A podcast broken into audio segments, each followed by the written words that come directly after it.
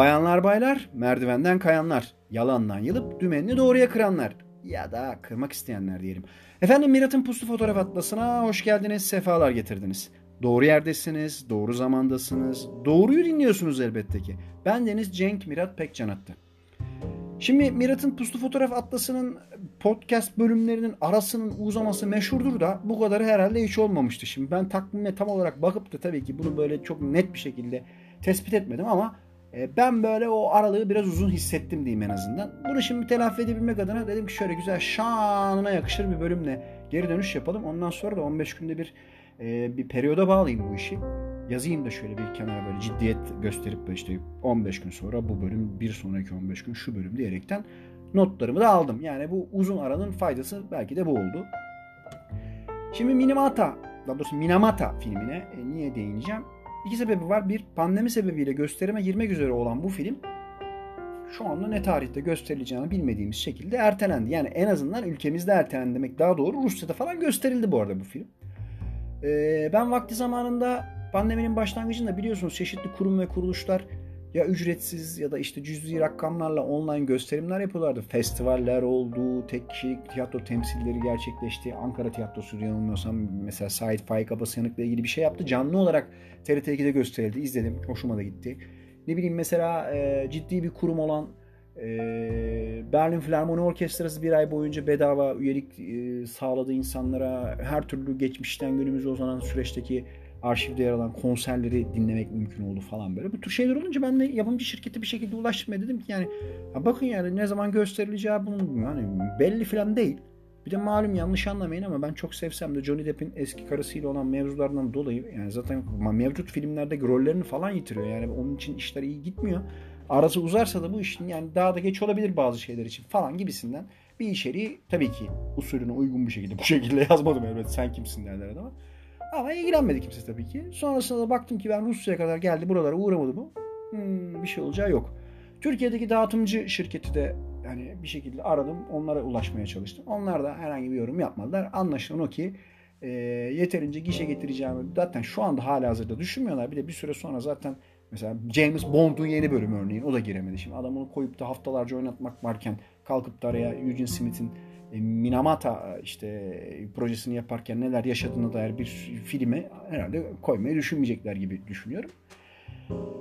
Diğer taraftan çok hoşuma giden bir eşimle olan paylaşımım esnasında öğrendiğim bir olay olmuştu ki o da bu noktada bu kararı almama etkili oldu. O da neydi? Benim e, kayınvalidemle kayınpederim gençlik yıllarında yaşadıkları ekonomik sorunlardan, sıkıntılardan sebep sinemayı da çok tutkulu bir şekilde e, sevdiklerinden dolayı ödün veremiyorlarmış.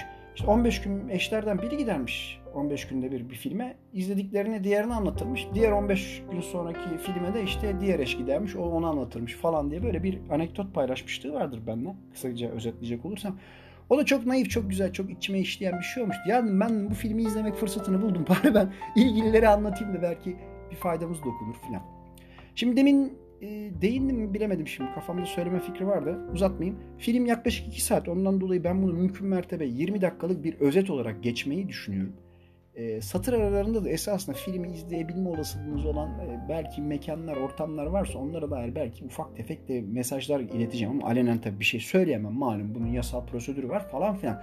O yüzden beni dinlerken o anlamda böyle bir algıda seçiciliğiniz olsun diye size tavsiye ederim.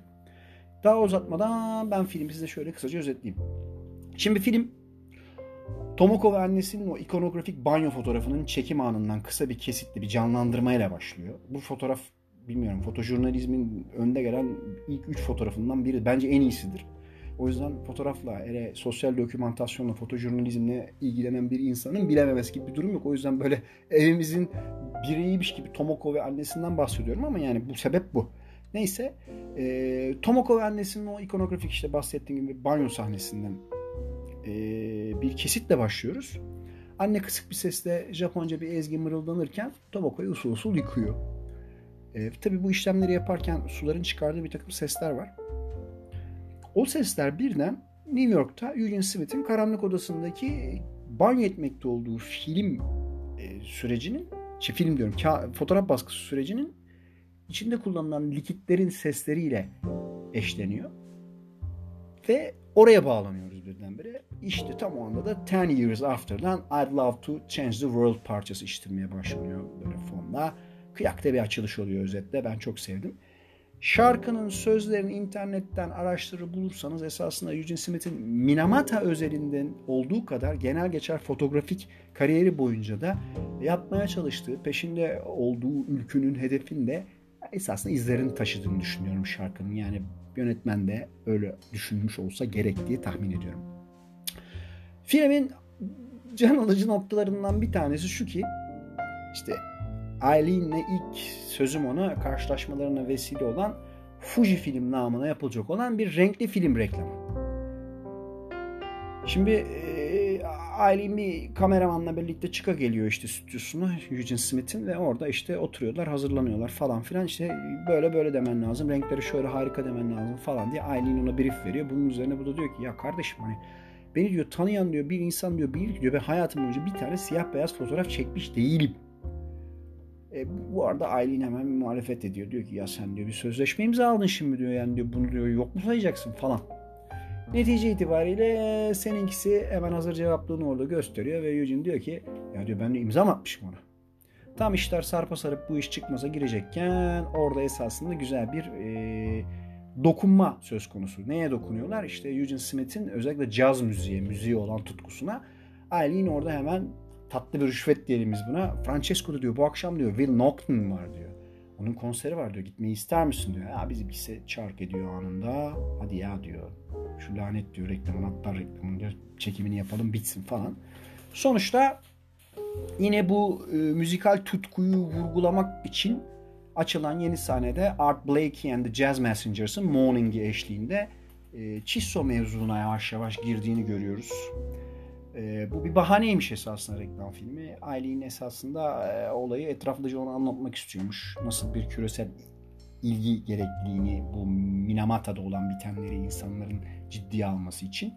Ona zaten böyle bir evrak ve fotoğraflarla dolu bir zarf veriyor.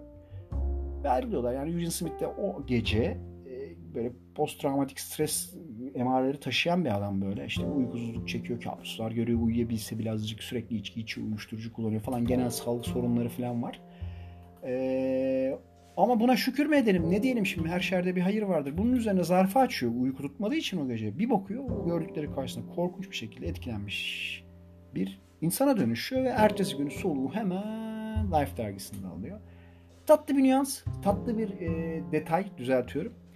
İşte Life dergisinin girişindeki sekreterya böyle hemen altında bir tane slogan var.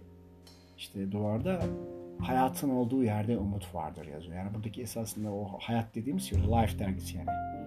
E, İngilizce meanasıyla ondan sonra o hoştu. Daha sonra işte giriyor Robert Bob Hayes de konuşuyor. Böyle böyle şöyle şöyle falan filan derken hop birdenbire bizimkiler Minimata'ya varıyorlar. Minimata'da Akiko'nun Akiko bu arada yine meşhur fotoğraflarından bir tanesinde yer alır Minamata fotoğraflarının Eugene Smith'in. Bu hastalıktan muzdarip bir genç çocuk hatta diyelim. Onların ailesinin içerisindeler. Şimdi buradaki e, çelişik durumu vurgulamak için Minamata'daki çok güzel bir sahne bence çekilmiş. Yani şimdi adam Chisso'nun suya bırakmış olduğu civalı atıklar sebebiyle çocuğunu o halle e, doğmuş, yaşıyor ama diğer taraftan Chisso'nun yaratmış olduğu istihdam sayesinde fakir bir köy burası. Kamyo şoförlüğü ederek para kazandığından sebep de hani o paraya da hayır dememek durumunda kalıyor. Ve nitekim fotoğraf çekimi tekliflerinde geri çevirmek zorunda kalıyor. Yani ben deşifre olursam diyor beni diyor işsiz bırakırlar. Hem çocuğumun durumu böyle olacak hem de işsiz olacağım o zaman diyor yani diyor çok diyor zor bu hassas bakımı çünkü falan fıstık. Neyse Eugene Smith çıkar, etrafı gezer, izlenimler edinir vesaire falan. Sonra yine onlara eşlik edecek olan kameraman aktivist bir kimseyle tanışır. O da bu hastalığın başlangıç aşamasındadır. Çocuğu zaten öyledir. E, Minamata hastalığından muzdariptir falan filan. İşte yavaş yavaş fabrikanın önüne gidiyoruz. Oradaki işte protestocu grubu böyle kadrolu onlar yani bu işe baş koymuş insan. Onları görüyoruz. Onlar hakkında bir takım izlenimler falan hissediyoruz. Genel olarak olayların nasıl döndüğünü anlayabilmemiz için işte protestocuların lideri konumundaki insan gerekli olan söyleminde bulunduktan sonra kendini kapıya zincirliyor, ortalık karışıyor falan filan. Ama şunu fark ediyoruz ki E artık e, Chisso yetkilileri Eugene Smith'in oraya gelip de yani Amerikalı bir fotoğrafçının gelip de ki yani adamlar tanıyorlar da Eugene Smith'i Eugene Smith olarak tanıyorlar. E, buralarda boy gösterdiğini kavradıklarından dolayı bir yani inceleme istihbarat başlamış. Nitekim işte ne bileyim yönetim kurulu başkanına işte Eugene Smith'in bir portresi getiriliyor gösteriliyor. Ha bu adam geldi bunu falan gibisinden. Böylelikle genel geçer durumdan haberdar olmuş olmamız sağlanmış. Sonrasında Eugene işte bu hengamenin sonrasında böyle yine içkisini içip bir yandan böyle seyirtirken oradan oraya bulunduğu ortamda ee, yine hastalıktan muzdarip böyle bacaklarında protezimsi tuhaf takım düzenekler olan böyle bir tane çocuğun yanında kendini buluyor ve işte ona diyor ki sen diyor benden diyor bir kelime bile diyor söylediğimden diyor anlamayacağım diyor ama diyor ben diyor yine sana söyleyeyim falan filan derken fotoğraf makinesini veriyor çocuğa fotoğraf çeksin diye. O hayat enerjisi alınmış kenarda duran çocukcağız birden fotoğraf makinesini eline alır almaz heyecanlanıyor filan. Bu arada fotoğrafçılık adına güzel bir takım cümleler kuruluyor. Yani fotoğraf çekmek, fotoğrafla ilgili işte gelişmekle ilgili bir esasında söylemi Eugene Smith'in bu. Bunu caz ve improvizasyon üzerinden yapıyor. Yani fotoğrafçılığın esasında herkes tarafından yapılabilecek basit bir süreç olduğunu ama en önemlisinin e, bu işi iyi yapabilmeyi öğrenebilmek için öncelikle iyiden iyiye işi batırmak gerekliliğinden bahsediyor ki bu hoş tabii yani bu metaforik bir söylem yani bunun altında esasında ne fotoğrafçılığın çok basit olduğundan bahsediyor e, ne de hani e, yani batırdık diye illa bunu dibine kadar ondan sonra çok iyi fotoğraf çekeceğiz falan gibi bir anlam vermiyor yani onu söyleyeyim özetle. Ee, bu arada fotoğraf makinesi çocuğa veriyor. Yani böyle bir bıkkınlık hissiyatı olduğunu her daim vurgulamaya çalışmış yönetmen Eugene Smith'in. Karakterinin geldiği bu hayatın bu noktasında yani bir şey var. Hani vazgeçip gitmek var kafada adeta. Neyse sonuçta çocuk alıyor fotoğraflar çekiyor makıyor filan derken kayboluyor gidiyor. Sonra işte bakıyoruz ki Eugene Smith'e bir karanlık oda tahsis edilmiş. İnsanlar evlerindeki raflarından, valizlerinden çıkarmışlar, fotoğraf makineleri getirmişler. Ee, karanlık oda tahsis edilmiş gayet güzel, yeterli işleri götürebilecek ki o fotoğraflar orada zaten basmış ondan sonra.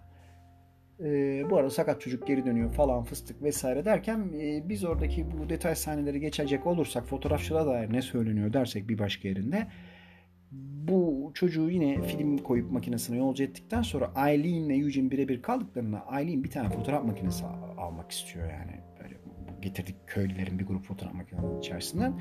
Bizimkisi muhalefet ediyor diyor. Alma diyor. Ondan sonra tabii Eileen şaşkın. Ben diyor yani maksat diyor ben alayım ki diyor yani diyor sana diyor eşlik edeyim ben diyor beraberce diyor bu işi diyor daha nitelikli bir şekilde kıvırırız. Daha çok varyantımız olur yani fotoğraf görüntü açısından falan filan. Bunun üzerine Eugene Smith şunu söylüyor. Kızılderililer diyor bir fotoğrafın diyor e, işte öznenin ruhunun bir parçasından onu yoksun bıraktığına inanırlar diyor. Ancak diyor bu aynı zamanda diyor fotoğrafçının ruhunun da bir parçasını alabilir diyor. Eğer diyor makineyi eline alır bu işi yapmaya kalkarsan kalbin kırılacak diyor. Ama diyor alacaksan diyor ciddiydi diyor dibine kadar yani şey mevzuyu da diyor dibine kadar ciddi ele almalısın. Anlaştık mı filan fıstık derken el sıkışıyorlar tamam artık Eileen'in de boynunda bir fotoğraf makinesi olacağına karar veriliyor. Filmin en önemli kesitlerinden bir tanesinde bunlar Chisso'nun kendi fabrika hastanesine gidiyorlar ki orada bir dalga dümen yaparak içeriye fotoğraf makinelerini, kameralarını sokuyorlar. Kameraman abi de yanlarında. İçeride önlükler geçiriyorlar buldukları üzerlerine. Ondan sonra koğuş koğuş gezerek çekimler yapmaya başlıyorlar. Yine fotoğrafçılık adına burada önemli olan bir şey şu ki Eileen'le e, Eugene Smith e, bir hastanın e, başucunda e, Ken e, kameraman diyor ki ben diyor etkili görüntüler bulabilmek için diyor yakında diyor işte sermayedarlar ya da ortaklar toplantısı var Çison'un diyor. Orada diyor onlara sunacağız diyor. Buna diyor müsaade edecekler diyor. Onları etkileyecek bir şeyler sunmalıyım diye yeni videolar peşinde koşmak üzere alıyor başına gidiyor. Orada fotoğrafik manada şu yaşanıyor. Yani işte bu hastalık böyle eli falan çok tuhaf böyle kramp girmiş gibi böyle düşünün tarifsiz bir şekle bürünmüş bir nevi pençe gibi durduğunu düşün elinizin böyle. O tür bir hasta yatıyor yatakta. İşte Irene aracılığıyla soruluyor. Deniyor ki yani fotoğraf çekilebilir mi, çekebilir miyiz falan. O diyor ki yani yüzüm gözükmediği sürece olur falan. Eugene Smith de orada Irene'le şunun tartışmasını görüyor. Ya diyor bu diyor tamam hani figüratif olarak diyor bu hastalığın, bu dramın diyor güzel bir göstergesi ama hani diyor bunu diyor gözünün bebeğinde görmek lazım diyor. Eğer izleyici de empati diyor kursun buna bize diyor ortak olsun bu davada istiyorsak diyor Aylin tekrar bakışlarını kesmeden sürdürerek orada Eugene Smith'in sesini kesmesine vesile oluyor. Çünkü her ne kadar Eugene Smith bununla haklı olsa da işte yani eşyanın tabiatı, gibi ortamın gereklilikleri var falan filan. Daha sonra bunlar birden yakalanır gibi oluyorlar. Kaçıyorlar. Kameraman arkadaşla bir yerde bir araya geliyorlar ki orada laboratuvarlara girip yaptıkları araştırmalar sonrasında bir takım ortamlar, bir takım evraklar buluyorlar. Sada'da gelecek olursak yapılmış deneylerle de sabitmiş ki 15 sene önce bu su canlılara cıva zehirlenmesinden dolayı büyük arızalar veriyor. Yani işte en basiti kramplar, felçler, işte merkezi sinir sisteminin tutulumuna bağlı koordinasyon bozuklukları vesaire vesaire. Yani bunlar temel belirtiler. Orada yine fotoğraf adına güzel bir şey var. Ee, bu bahsettiğim şeylerin içeriğini barındıran evrakları Aileen okuyor ve tabii çok dramatik bir an. E, bozuluyor çok böyle. Eugene elinden kapıyor bu dosyayı ve diyor ki hop al diyor makineni ayarlarını güzelce bir kontrol et diyor. Ama diyor sakın diyor duygularının seni ele geçirmesine müsaade etme diyor. Çünkü diyor kaybedersin vakayı diyor. Davayı kaybedersin diyor. Üstelik diyor ölebilirsin bile diyor. Tabi orada o savaş alanlarındaki yapmış olduğu çekimleri vesaire yani vesaire vesaire de hatırladığı için böyle bir e, sert tespiti ya da söylemi dile getiriyor. Ve diyor çekmek istediğin fotoğrafa odaklanacaksın diyor. Söylemek, anlatmak istediğin şeye odaklanacaksın diyor ve derhal bunu yapacaksın diyor. Orada güzel bir şey yapmışlar. Bu cümleler sona ererken böyle biz böyle voice over olarak harici bir ses olarak böyle bir kurşun mermi sesi duyuyoruz. Sanırım e, onun bu tavsiyeleri doğrultusunda yapılacak bir çekimden çıkacak olan bir fotoğraf sonuç olarak bir kurşun kadar ölümcül etkili olacak e, metaforu yaratılmaya çalışılmış. Ben beğendim. Sonuç olarak işte yine fotoğrafla ilgili bir başka ilginç sekanssa Eileen'le Eugene Smith karanlık odada hummalı bir şekilde çalışırlarken bir yandan sohbetler vesaireler de yapılırken bir kadın ve erkek olarak duygusal bir yakınlaşma içerisine de giriyorlar. Ee, bu sürecin pekiştiği anlarda çok ilginç bir şekilde Eugene Smith şey diyor yani işte Eileen'e banyoya soktuğun zaman kartı diyor ellerinle diyor temas et diyor yüzeye diyor emisyonun bulunduğu diyor gelişmesine diyor katkıda bulun diyor fotoğrafın diyor. Ee, bu diyor hikaye anlatmanın diyor içten güzel başka türlü bir şekli diyerekten bunu ona tavsiye ediyor. Ee, böyle bir an var. Bilmiyorum bunda gerçeklik payı var mı? Eugene Smith'in karanlık oda baskısı konusundaki takıntılarını, işte maskelemelerini, ultra maskelemelerden bahsediyoruz. Yani böyle yalandan elinle oraya tuttun, buraya tuttun diye. Yani filmde öyle yüzeysel geçilmiş ama bayağı masklar keserek, onları tellere bağlayarak bir tarafa onda biri kadar poz verip öbür tarafı 10 kat pozlayacak şekilde 8 10 tane ayrı lokasyona farklı çalıştığını işte siyanür kullanarak lokal açmaları fırçalarla falan yaptığını biliyorum ben. Ama böyle ellerinle okşuyor okşuyor emisyon geliştirmek konusunda o bir yani böyle bir romantik bir şey ama gerçekten bilmiyorum normalde tavsiye edilen bir şey değildir deyip uzatmayayım ben orayı. Ee, bu arada orada yine fotoğrafa dair güzel bir başka gönderme de şu şekilde oluyor. Bu yakınlaşmadan doğan bir e, anda da e, işte Eugene Smith böyle elinde fotoğraf makinesi varmışçasına böyle bir hal takınıyor. Ondan sonra işte denklanşör ses çıkararak böyle diye e, ailenin bir tane portresini çekiyor hesapta. O hayali fotoğrafı çektiği an itibariyle diyor ki Aylin yani diyor, önce diyor bir izin alman gerekmez miydi hani nezaketen diyor.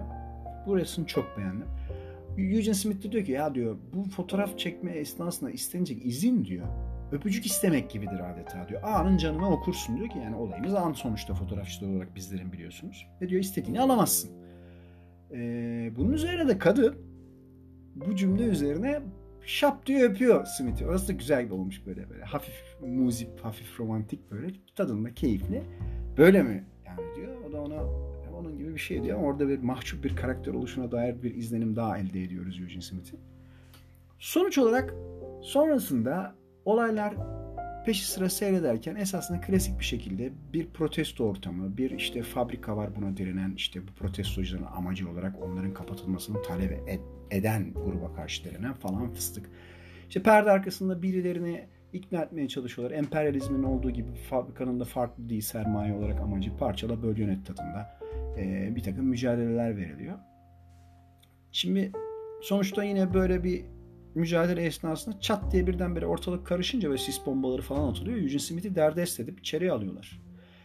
Bu yönetim kurulu başkanı diyeceğim abiyle bunlar bir takım diyaloglara giriyorlar. Orada işte adam çok uzatmayayım bir şey anlatıyor yani. Biz diyor burada diyor kötü bir şey yapmıyoruz. Faydalı kimyasallar üretiyoruz. Bu diyor işte diyor suni gübre de olabilir diyor. Senin diyor çektiğin fotoğraf makinenin içindeki 35 mm filminin emisyonu da olabilir diyor.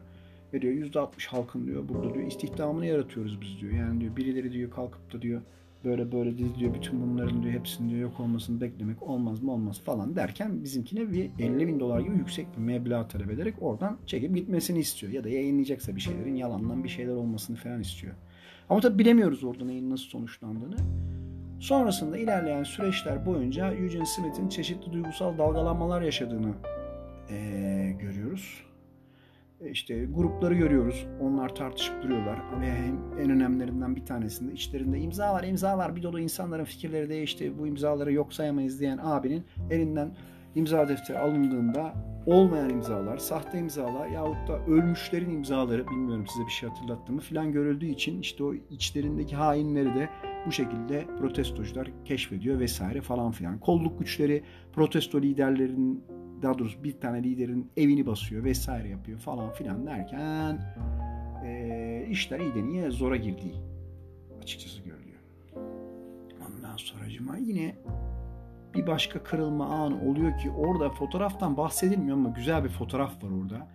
İşte bu ilk başta evlerinde konakladıkları babası işte şoför olan fabrikada Çisso'da fukara ailenin, Akiko'ların evlerindeler işleri olduğu için Aileen anneyi alıp gideceğini söylüyor. Bir saat bak diyor. Orada işte Eugene Smith gidiyor geliyor. Nasıl bakarım? Çünkü ne gözü görüyor ne kulağı duyuyor. Bahsettiğimiz o bütün o pençeye benzeyen eller, uzuvlar falan işte yani çok kolay değil tabii ondan sonracıma. Orada nasıl diyeyim bir veranda mı diyeyim bir balkon mu diyeyim böyle ve siyah beyaza dönüşen bir görsel düşünün. E, arkalarında işte o zehirli atıkların atıldığı ortam, gölet, göl neyse. Ondan sonra bunlar önündeler böyle kucağında filan. Çok güzel. Çok güzel bir görüntü o. Bulabilirsem hatta podcast'ın eşliğinde paylaşmayı çok isterim sizlerle. Ee, orada da tabii yani olayın içerisine iyiden iyiye giriyor. Yani onlardan biri haline geliyor Eugene Smith. Bu anlamda o sahne de tabii ki şey. E, mühim. Bu arada e, Forever Young parçasını Bob Dylan'ın böyle mırıldanırken sonrasında hakikaten Bob Dylan'ın sesinden gelip birbirleriyle senkronize olarak oradaki o müzikal anlamdaki e, besteyicilik de çok keyifli. Ah işte öyle. Ondan sonracıma.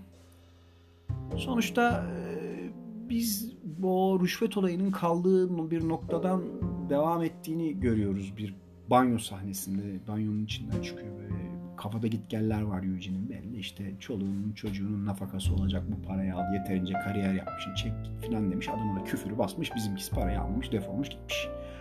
İyi yapmış. Ondan sonracıma tabii bütün bunlar oldukça onun da enerjisi bu anlamda pekişirken pat karanlık odasını yakıyorlar abinin. Ondan sonracıma her şey gidiyor. Bir de yani düşünün şimdi fabrikasının fabrikanın hastanesine girmişsin. Bazı şeyler falan çekmişsin yani. Hani orada belgeleri bulmuşsun bilmem ne. Her şey gitmiş. Her şey yanıyor. İçeri girip kurtarmaya çalışıyor. Almıyor falan. Bir fotoğrafçı olarak arşivinizi yitirmenin ne acı bir duygu olduğunu size çok güzel hatırlatabilecek ya da öngörmenizi sağlayacak güzel bir sahne orası. Orada çıldırıyor, bırakmak istiyor vesaire falan filan derken en nihayetinde temel problemi şu olduğuna dair bir kanaat geçiriliyor. Yani siz diyor bana diyor ne kadar müsaade ederseniz bu diyor mahrem ortamlarınızı ben de onları diyor bir o kadar hassasiyetle suistimal etmeden diyor fotoğraflarsam bu iş ancak o zaman olur diyor. Sizin savaşınızı verebilmem için sizle beraber diyor e, ben de diyor bunları diyor tedarik etmeliyim görseller olarak diyor o zaman diyor bu savaş benim de savaşım olabilsin filan. Nitekim kabul görüyor. Bu anlamda çok ciddi anlamda insanlar onunla seferberlik yapıyorlar. Zaten başından beri bu işlerin olması için seferber olmuşlar. İşte o karanlık oda kurmalar, ona yer tahsis etmeler, sağdaki soldaki çeyizde sandığındaki, raftaki fotoğraf makinelerini herkesin imece usulü toplayıp getirmesiyle falan zaten bunları hep görüyoruz. Velhasılı Kerem işte hissedarlar toplantısı olacağı gün çatıyor. 7 Mart 1971 olarak veriliyor filmde bu. Çisso'da hani ne yapalım ne diyor bunlar falan diye. Bu arada göstericilerle bir araya gelinmiş bir yönetim kurulu ortamı var. Böyle gayet medeniler yani. Hani bir, bir grup insan çıkıp onların karşısına dertlerini falan anlatabiliyor. Yine provokatif hareketler var. O var bu var falan filan derken her iki tarafta birbirine pislik yapıyor derken karambolde Eugene'i linç ediyorlar. Bayağı tek gözünün neredeyse tamamıyla görme yetisini kaybettiğini biliyorum. Ben kimileri kör oldu diyor. Çok emin değilim. Kaynaklar çeşitli. Hani hangi birine güveneceğimi şaşırdığım için sizleri yanıltmak istemiyorum. Çok büyük ölçüde kör oldu diyen var. Tamamıyla kör oldu diyen var. Ama sonuçta Eugene Smith'i bir hastane sahnesinde bayağı elleri kolları gözümüzü sarı olarak zaten görüyoruz ki orada birdenbire bir abi beliriyor. Meğersem Eugene Smith'in e, fotoğraflarının negatiflerini bu abi saklamış. Yani kundaklayan kişiydi de belki Minamatalı olduğu için içi el vermedi. Onları o yüzden aldı oradan öyle mi yaktı ve kaybolduğu, yandığı, zayi olduğu onların düşüncesini zaten kafaya düşürdükten sonra önemi yok mu dedi. Sonra başka bir şey olur da işte aha burada olduğu gibi küt diye orada ona e, zarf içinde verdiği gibi vermesi durumunu mu öngörüyordu bilmiyorum ama o adam o zarfları ona veriyor. Ve verince de tabii bizimki de bütün o patlamış, çatlamış, kırılmış, dökülmüş vücuduna rağmen çıldırıyor. Gaza geliyor. İçeride istişareler sürüyor. Ortalık karışıyor. Orada şey güzel ama yani Çisso yönetim kurulu başkanını da her şeye rağmen insanlık emareleri taşıyan bir kimse olarak tasvir ediyorlar. Hı hı falan çekin gidin falan deyip böyle küfürlü kafirli davranan eden türden bir karakter değil. Tabi Japonlar olduğu için bu insanlar belki böyleler ya da Japon oldukları için saygı gösterip böyle tasvir edildi filmde. Orayı çok iyi bilemiyorum ama zor zor. Ondan sonracıma en önemli noktaya geliyoruz zaten finale doğru. Ee, Aileen bir şekilde organizasyonunu yapmış ve dünya dünya fotojurnalizm tarihinin bence tartışmasız en iyi fotoğrafı çekilmek üzere. Ne bu fotoğraf? Tomoko ve annesinin banyo anı. Hani var ya bilmiyorsanız da zaten şimdi ister istemez sizlere bu sahneyi anlatırken paylaşacağım görüntüleri. Benim tüylerimi diken diken etti. Çok hoşuma gitti. Yani o karenin öyle yapıldığını adeta şahit oluyormuş hissine kapılmak dahi kapılmak dahi beni çok heyecanlandırdı. Ee, her zaman vardır bu kıskançlığım Eugene Smith'in bu fotoğrafına dair niye ben çekmedim diye düşündüğüm. O anı tekrar yaşadım. Yani yönetmenin eline sağlık. Ondan sonracıma. Ee, sonuçta onlar Aileen'le beraber geliyorlar evlerine. Diyor ki ben diyor müsaade et diyor. Banyonun diyor hazırlanmasına diyor eşlik edeyim diyor. Ve çağırıyor. Ondan sonracıma Aileen tamamdır gel diyerekten. Bizimkisi tabii çok zor hareket edebiliyor. Bir tripodun üzerine makineyi kuru vermişler. Ondan sonracıma o işte bir yerde ortalama olarak duruyor. Bir kapılar açılıyor falan böyle aa o görüntü. Aileen orada zaten bu konuşulur. Yani e, Akiko'nun bedeninin, annesinin bedeninin işte direktiflerle yönlendirildiği gelen ışığın daha dramatik bir etki yaratması için. Bence hiç hiç hiç mahsur yok. Yani böylesi bir anda yani bunu yaratmak için ya Robert Capa gibi öyle düşen adamı çekersin. Işığın ışığın hiçbir şekilde mühim olmadığı anlam içerik olarak yani o bir fotoğraf olmaktan öte başka türlü bir siyasi doktrin ve düşünce tarzını yansıttığından dolayı onun kanıtı olduğundan dolayı önemli. Yoksa aham şahım bir fotoğraf değil ama bu bu şahane bir fotoğraf ya. Bu inanılmaz bir fotoğraf yani. Benim hayatımda gördüğüm en iyi görsellerden bir tanesi. Hele böyle bir amaca hizmet etmesiyle abo dediğim bir fotoğraftır.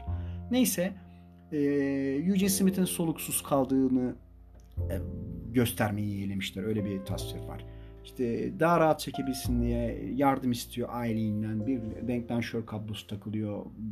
Kuramıyor makineyi. Orada bayağı e, Eileen'le Eugene böyle kolektif çalışıyorlar o kareyi çekebilmek için. Ondan sonra arda arda çekiyor, ediyor falan filan.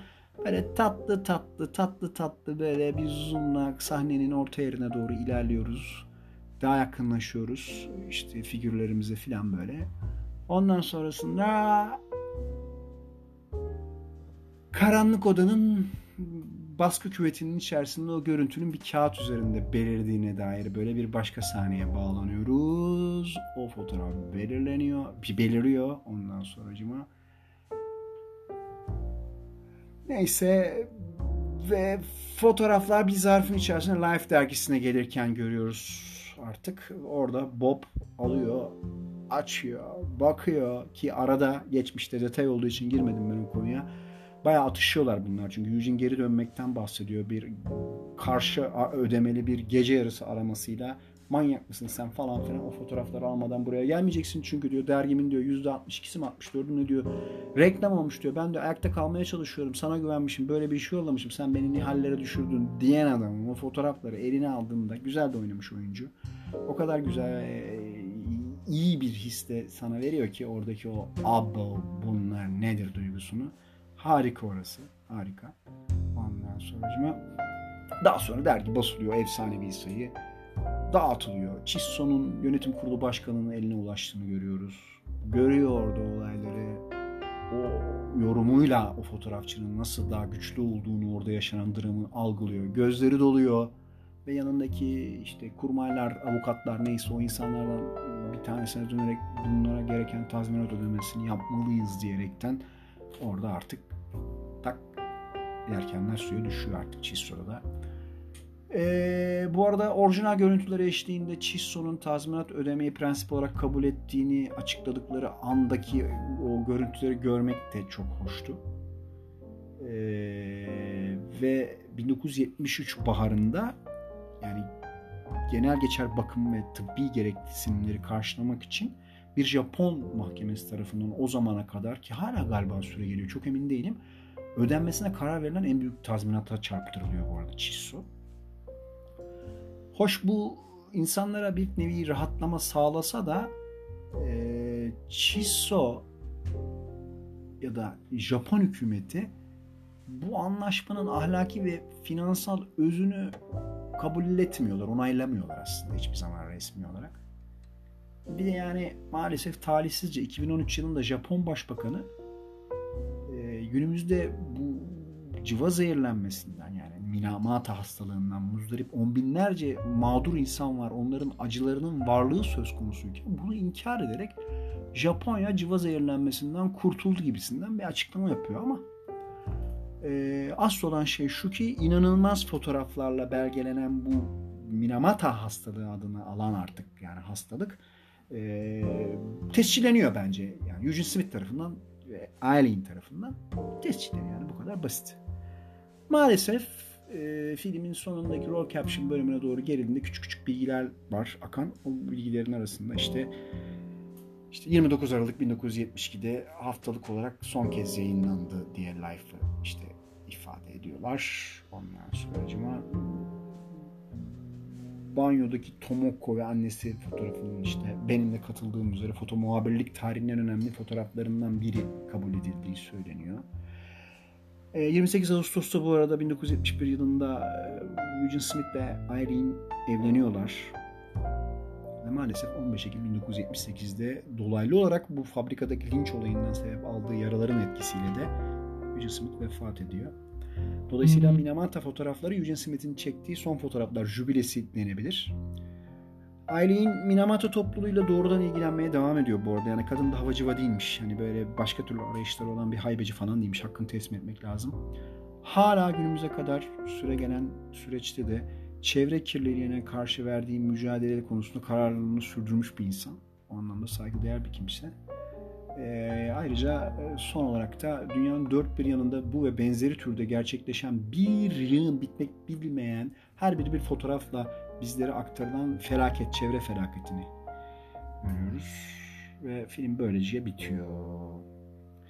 Elimden geldiğince iki saat süren bir filmi özetle ve fotoğrafik anlamda bizim için daha değerli olacağını düşündüğüm kesitleriyle sizlerle paylaşmak istedim. Lakin şöyle bir şey söylemem lazım. Bunu ben Rusça olarak izlemiştim. Rus bazı kaynaklarda bulabiliyorsunuz. Ararsınız. Çünkü daha ötesinde bilgi veremiyorum ben. Diğer taraftan yani internette biraz gayretkeş bir arama yaparsanız eğer o zaman bunun bir Türkçe altyazılı versiyonu da bulacaksınız ama çok çılgın bir senkronizasyon sorunu olduğu gibi onu da yeni keşfettim. Belki bir süre sonra daha iyisi çıkar. Sanırım e, yapay zeka ile altyazısında e, çevirmişler. Ondan dolayı çok zayıf olduğu kadar senkronizasyon sorunları çok fazla ama hani ben bilmiyorum ben daha önce böyle durumlarda bilmediğim başka dillerde senkronizasyonu, menkronizasyonu olmaksızın bir sürü film izledim ve kendimce yine mutlu oldum. İzlememektense daha iyi olduğunu düşündüm. Belki sizlerin de ilgisini çeker. Burada önemli olan son olarak söyleyebileceğim şey şu. Şimdi e, belgecilerin yani ne bileyim işte belgesel çekenlerin ya da biz sosyo belgesel fotoğrafçıların, belgesel fotoğrafçıların yani genelde hikayeye etki etmekten kaçınmaları bekleniyor. Böyle çok tarafsız, çok böyle işte objektif falan bakmamız ama yine de herkesten çok etki ediyoruz olaylara. Çünkü onu yani o konuyu ya da o kişiyi anlatmaya karar vermişizdir artık yani. Ve burada bir tarafızdır yani. Nasıl biteceğini de biz karar veririz bu hikayenin. Yani klasik olarak mutlu olmak isteyen bir adamın hüzünlü hikayesini mi anlatacağız mesela? Ya da bazen paylaşılan hüzünlü hikayelerin insanları mutlu edebildiği gerçeğini mi ortaya koyacağız? İşte bu noktada kararı dünya görüşümüz ve insani duruşumuz dahilinde belirliyoruz bizler belgeciler olarak. Minamata serisinde de gerek Eileen gerek Eugene Smith yaptıkları çalışmalar boyunca belli ki oradaki durumu en yalın, açık ve mağdurlar tarafında olarak tasvir etmeleri gerekliliğine dair bir kanaate varmışlar ve sonuna kadar da bu manada bir mücadele vermişler ki Eugene Smith'in neredeyse linç edilmesine bile varmış bu işin ucu yüreklerine, emeklerine, düşüncelerine sağlık dedikten sonra şu klasik kapanışımı yaparak sizlere veda etmek istiyorum. Doğruyu konuşmak cesaret ister. Sıklıkla doğruyu söylemek deliliği, sürekli söylemekse devrimci olmaya gerektirir. Hakikaten de bu devirde devrimci olmak biraz da değillik değil midir? Mirat'ın Puslu Fotoğraf Atlası'nın bir sonraki bölümünde buluşuncaya kadar hepiniz esen kalın. Görüşmek üzere.